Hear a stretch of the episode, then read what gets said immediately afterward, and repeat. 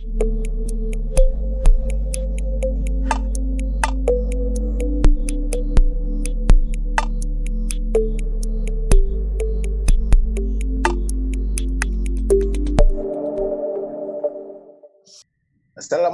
warahmatullahi wabarakatuh.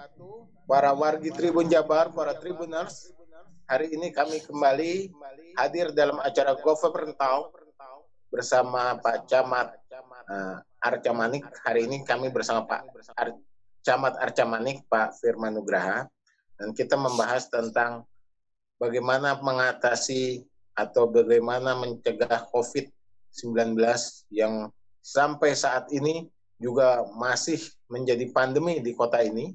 Bahkan hari ini per hari ini uh, kita kembali uh, menjalani PSBB pembatasan sosial berskala besar. Nah kebetulan juga kawasan Arca Manik ini pernah menjadi uh, daerah zona merah ini. Nah kita akan berbincang-bincang dengan Pak Firman Nugraha, Pak Camat Arca Manik mengenai masalah-masalah seputar penanganan COVID-19 ini. Assalamualaikum Pak Camat. Waalaikumsalam, Kang Adit. Damang, Pak? Alhamdulillah sehat walafiat, mudah-mudahan selamanya dan mudah-mudahan Kang Adit dan jajaran juga di Tribun Jabar semuanya sehat-sehat. Amin. Amin. Terima kasih. Pak, ini saya mau bertanya-tanya nih Pak juga bagi warga Kota Bandung khususnya tentang uh, penanganan COVID-19 di Kecamatan Arca Manik ini Pak. Nah di Kecamatan Arca Manik ini uh, sebelumnya uh, pernah menjadi zona merah ya Pak ya? Kan? Betul Pak? Iya betul. Arca Manik pernah zona merah dan dari waktu ke waktu memang seringnya masuk 10 besar oh, di Kota Bandung. Besar. Nah ya, tapi ya itulah besar COVID karena ternyata fluktuatifnya Iya. Eh, saat saat ini jumlahnya 37 per hari ini datanya itu memang. Oh, 37. Dan kita memang selalu masuk 10 besar. Mudah-mudahan nanti bisa terlempar dari 10 besar biar kita di bawah-bawah aja. iya, iya. Nah, uh, Bapak sendiri pernah kena COVID-nya, Pak? Bapak sendiri pernah terjangkit nggak, Pak Camat nih? Pernah terjangkit COVID nggak, Pak nih? Halo? Halo, dulu pernah. Oh, dulu pernah. Pernah. Udah lama tapi. Oh, tapi sudah sehat kembali ya, Pak ya? Alhamdulillah sudah sehat kembali dan alhamdulillah bukan alhamdulillah ya. Dengan mengalami langsung akhirnya mudah-mudahan menjadi apa ya menambah kewaspadaan kesadaran bahwa covid itu memang eh, bagi saya cukup menakutkan dan mudah-mudahan tidak ke depan tidak mengalami lagi termasuk mudah-mudahan semua warga Bandung bisa secepatnya lah kita semua meninggalkan COVID ini. Iya, ya mudah-mudahan. Pak, bisa Bapak ceritakan Pak atau bisa Bapak jelaskan bagaimana penanganan COVID-19 di Kecamatan Arcamanik dan khususnya upaya untuk berusaha lepas dari 10 besar ini Pak? Silakan Pak. Ya. E, pertama saya ingin sampaikan bahwa Arcamanik ini memang kecamatan yang lokasinya itu di pusat kota tidak, di pinggiran tidak, jadi di tengah-tengah lah. Dan tengah, ya. ini merupakan daerah yang strategis ternyata untuk tempat tinggal. Karena di Arcamanik ini tidak ada pusat bisnis, tidak ada pusat jasa, eh, kebanyakan memang terdiri dari pemukiman-pemukiman. Nah, eh, karena strategis itu akhirnya di kita ini banyak warga eh, perkantoran, baik swasta maupun pemerintah. Saya menduga dan mungkin di antaranya akibat sifat jenis masyarakat ini yang akhirnya kasus positif aktif COVID ini dari waktu ke waktu eh, lumayan tinggi di Manik ini. Data terakhir sekarang 37, hari Jumat kemarin 36, dan kadang-kadang melorot 12 gitu ya. 15, jadi memang fluktuatifnya tidak tidak terduga. Sekarang kecamatan suatu tinggi, dua hari kemudian bisa jatuh ke bawah. Itulah mungkin sifat perkembangan. Dan dengan tingginya COVID ini memang kita berupaya dan kita menginginkan bahwa ini bisa secepatnya turun dan tidak naik turun naik turun. Inginnya landai turun di bawah. Dan upaya yang kita laksanakan selama ini e, memang mungkin banyak. Pertama kita sosialisasi kepada masyarakat yang walaupun mungkin kalau dilihat e, rutinitas jumlahnya e, cukup banyak dan mudah-mudahan kita tidak akan pernah bosan untuk selalu mensosialisasikan ini bentuk-bentuknya Pertama bisa eh, lewat pertemuan-pertemuan langsung tetap muka karena kadang-kadang kami ingin menjelaskan, menyampaikan sesuatu yang penting ini walaupun dengan jumlah terbatas secara tetap muka langsung dengan pihak-pihak yang berkepentingan. Tapi tetap muka ini memang terbatas, tidak dengan jumlah RT RW yang banyak, hanya perwakilan saja untuk memastikan bahwa kondisi ini, pesan ini, kekhawatiran ini betul-betul nyampe gitu dan mereka ya gesturnya kita bisa bisa lebih dalam lah menyampaikannya. Selain tetap muka langsung, walaupun itu memang jarang dan terbatas, kita juga dalam bentuk surat-surat edaran, himbauan, kita selalu e, membuat itu untuk meyakinkan bahwa memang e, apa yang harus dan tidak boleh kita laksanakan. Selain lewat surat juga, kita lewat woro-woro. Setiap hari kita dengan tim gugus tugas kecamatan itu uh, turun ke kewilayahan, muter-muter, baik itu dilaksanakan oleh gugus tugas kelurahan maupun kecamatan. Jadi timnya ada ada dua. Kelurahan punya tim yang tugasnya juga sama, dia turun ke masyarakat menyampaikan menjelaskan ini semua dan juga tim kecamatan juga sama kita menyampaikan apa yang boleh dan tidak boleh dilaksanakan selama pandemi COVID ini. Dan itu rutin kita laksanakan. Selain eh, waro-waro itu, kita juga membuat spanduk-spanduk, himbauan-himbauan dalam banner untuk eh, mengingatkan warga masyarakat bahwa apa juga memang apa yang harus dan tidak boleh dan yang boleh kita laksanakan. Itu di antaranya Kang Adit yang selalu kita laksanakan selama ini dan mudah-mudahan itu eh, memberikan kesadaran kita tidak henti walaupun bosan biarkan saja mereka sering sesering mungkin mendengar harapannya mereka bisa Uh, kalau RT Manik sendiri terdiri dari berapa kelurahan ya Pak ya? Kita ini ada empat kelurahan, 54 RW dan 289 RT. Oh iya, banyak. Dari kelurahan empat dari empat kelurahan itu yang paling ini apa Pak? Yang paling rawan mana Pak? Yang paling rawan itu antara Sukamiskin dan Cisaranten Kulon.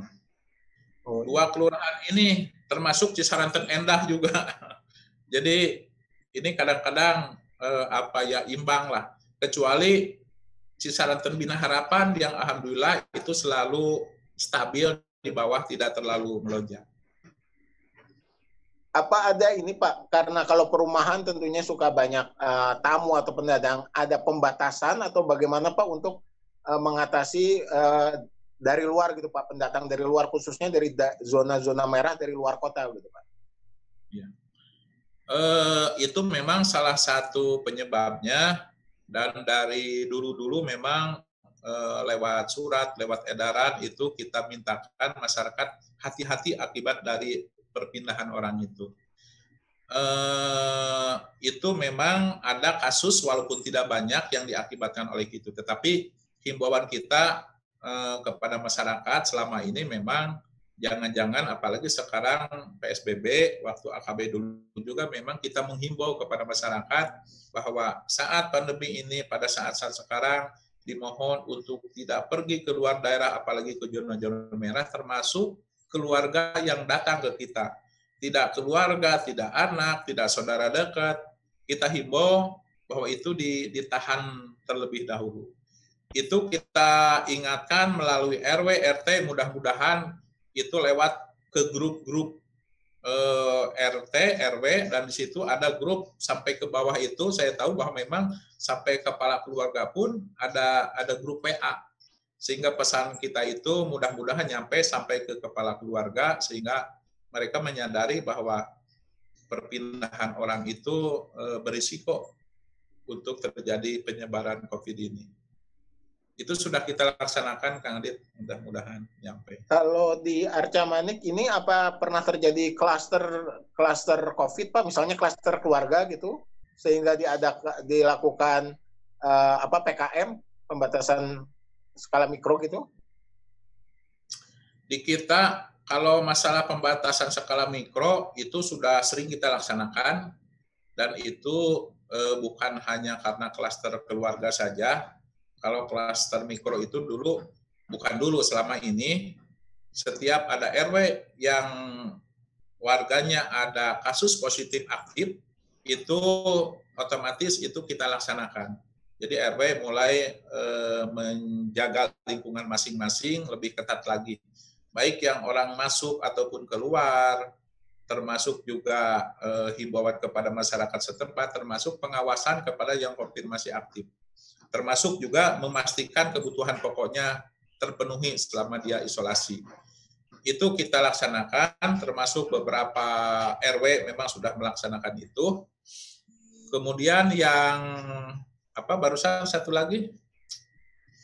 Kelas klaster keluarga begitu? Keluarga ya Klaster keluarga memang di kita lumayan juga kemarin.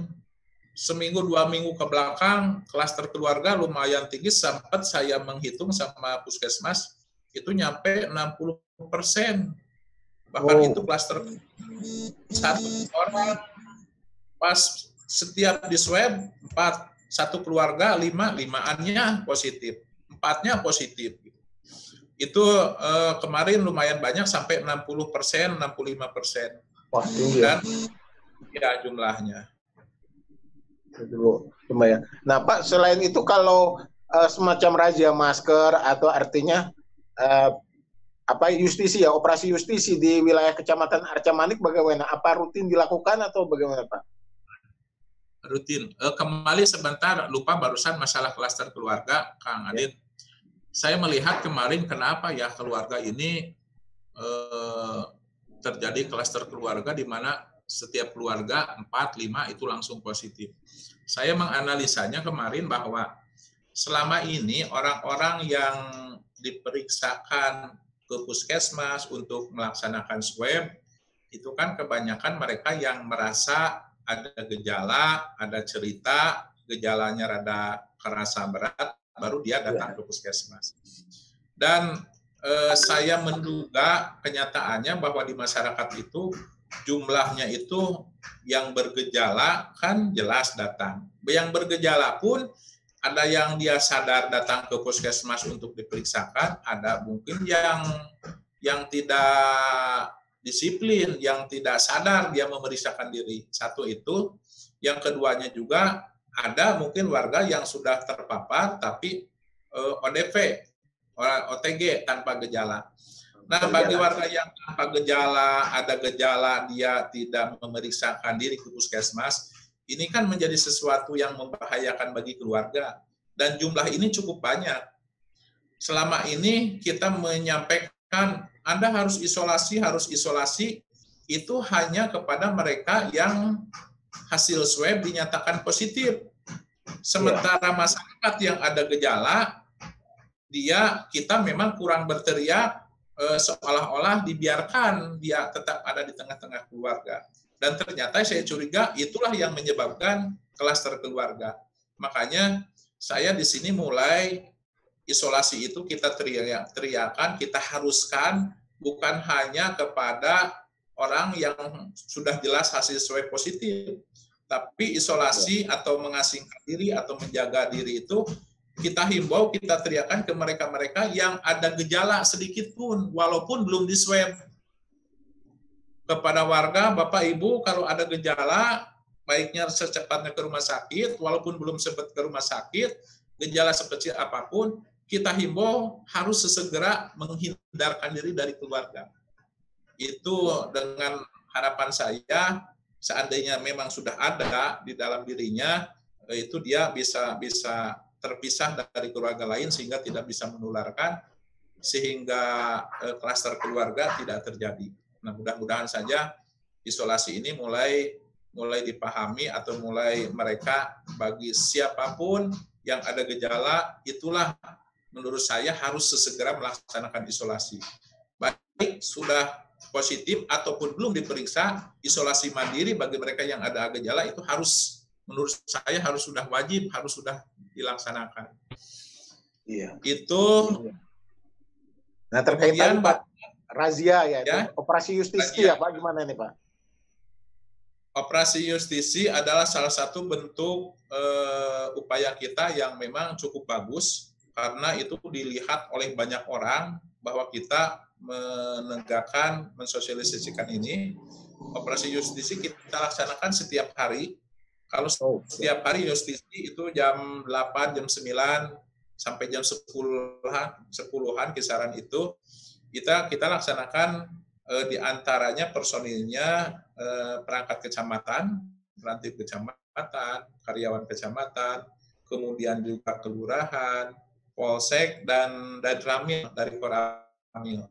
Alhamdulillah selama ini kita solid dan keberadaan keterlibatan jajaran polisi, teman-teman polisi dan Koramil sangat bagus sekali. Saya sangat mengapresiasi, senang sehingga tim kita cukup kuat untuk melaksanakan operasi-operasi itu. Dan kita laksanakan dan nyata walaupun sudah berbulan-bulan sampai sekarang tetap saja ada walaupun waktu sebelum liburan agak menurun. Eh, sekarang kadang meningkat gitu jumlahnya. Bentuk-bentuknya Kang Adit ada yang ya. kebanyakan memang tidak pakai masker. Itu tidak pakai masker. Ya, pakai masker. Dan kita ingatkan uh, uh, uh, hukumannya bukan hukuman ya. Kita pembelajarannya kalau yang memang yang muda-muda kita kadang suruh push up, kemudian juga suruh Pancasila nyanyi itu ada ada kegiatan itu.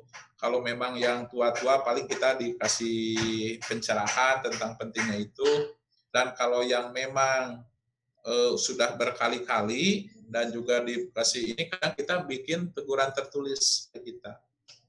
Jumlahnya kadang 14 orang, 28, itu di bawah di bawah lima tapi ya. kadang-kadang cuma delapan orang. Jadi naik turunnya juga agak ini tidak tidak pasti. Tapi itu selalu kita laksanakan terus. Ya.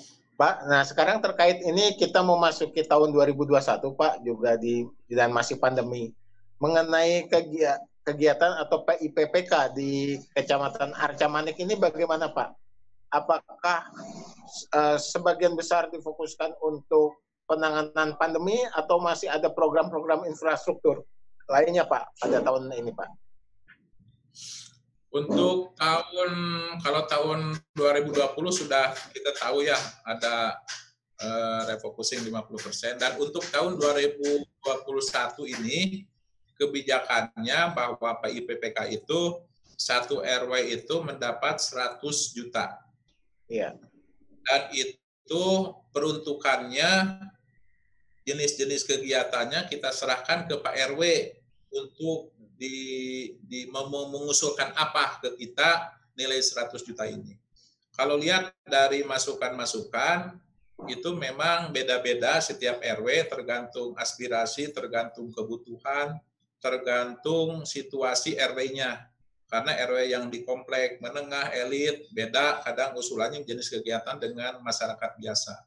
Itu kita serahkan ke mereka dan kalau kita lihat informasinya untuk tahun 2021 ini eh, infrastruktur itu masih tetap ada sesuai dengan kebutuhan permasalahan yang ada di masyarakat. Satu infrastruktur, contoh infrastruktur itu mungkin jalan, mungkin penerangan, mungkin perbaikan kantor RW dan lain-lain yang keduanya itu untuk kebutuhan eh, COVID.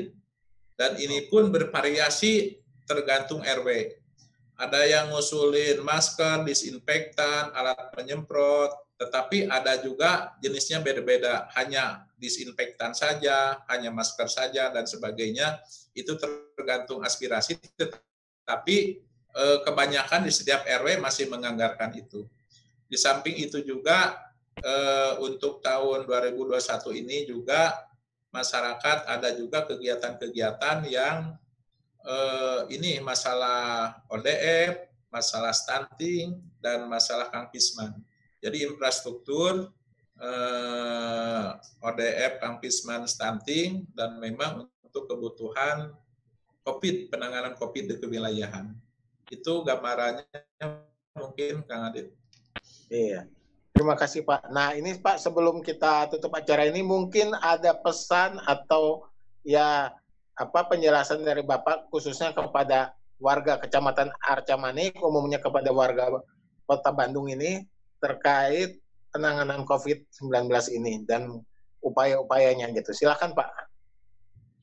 Terima kasih eh, himbauan saya Kang Dit buat seluruh warga Recamani khususnya eh, bahwa kita tahu COVID ini masih ada bahkan meningkat dan kita semua merasa tidak nyaman apalagi korban di Arsamani datanya sudah 8 termasuk tinggi. Oleh sebab itu kami mengajak kepada seluruh warga masyarakat apa yang sudah kita sampaikan himbauan dalam berbagai media, berbagai cara, termasuk mungkin saat ini, mudah-mudahan eh, ini akan menumbuhkan kepercayaan, keyakinan bahwa memang COVID masih ada dan memang penanganannya perlu melibatkan kita semua. Dan mungkin kita hanya aparat saja yang berupaya berteriak-teriak, kecuali memang kita semua harus berbuat. Oleh sebab itu, mari kita laksanakan upaya ini dan untuk masyarakat sebetulnya tidak bukan tidak susah ya sudah jelas bahwa memakai masker, jaga jarak, cuci tangan itu hanya itu tiga yang terpenting. Oleh sebab itu mudah-mudahan eh, semuanya ke depan eh, diberikan pemahaman kesadaran bahwa tiga itu yang memang bisa mencegah COVID.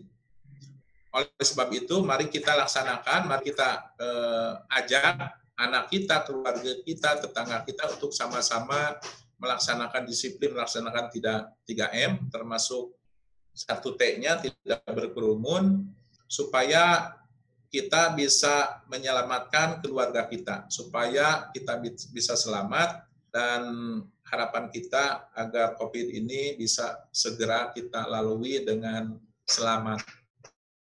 Itu saja mungkin, jadi mari kita tingkatkan disiplin kita, kesadaran kita untuk bersama-sama intinya juga yang ingin saya ketekankan bahwa keberadaan masyarakat, lembaga kemasyarakatan, Anda-Anda masyarakat ini mempunyai peranan yang sangat penting dalam penanganan ini. Bukan pemerintah, bukan kelurahan, kecamatan, satgas kecamatan, tapi di, di tangan kita semua. Oleh sebab itu, kesadaran itu yang harus kita dorong, kita tumbuhkan, sehingga manakala mereka melaksanakan semua ini atas kesadaran, insya Allah bahwa eh, upaya-upaya ini akan cepat membuahkan hasil dan bisa dirasakan oleh masyarakat bahwa dengan 3M itu yang bisa menyelamatkan kita.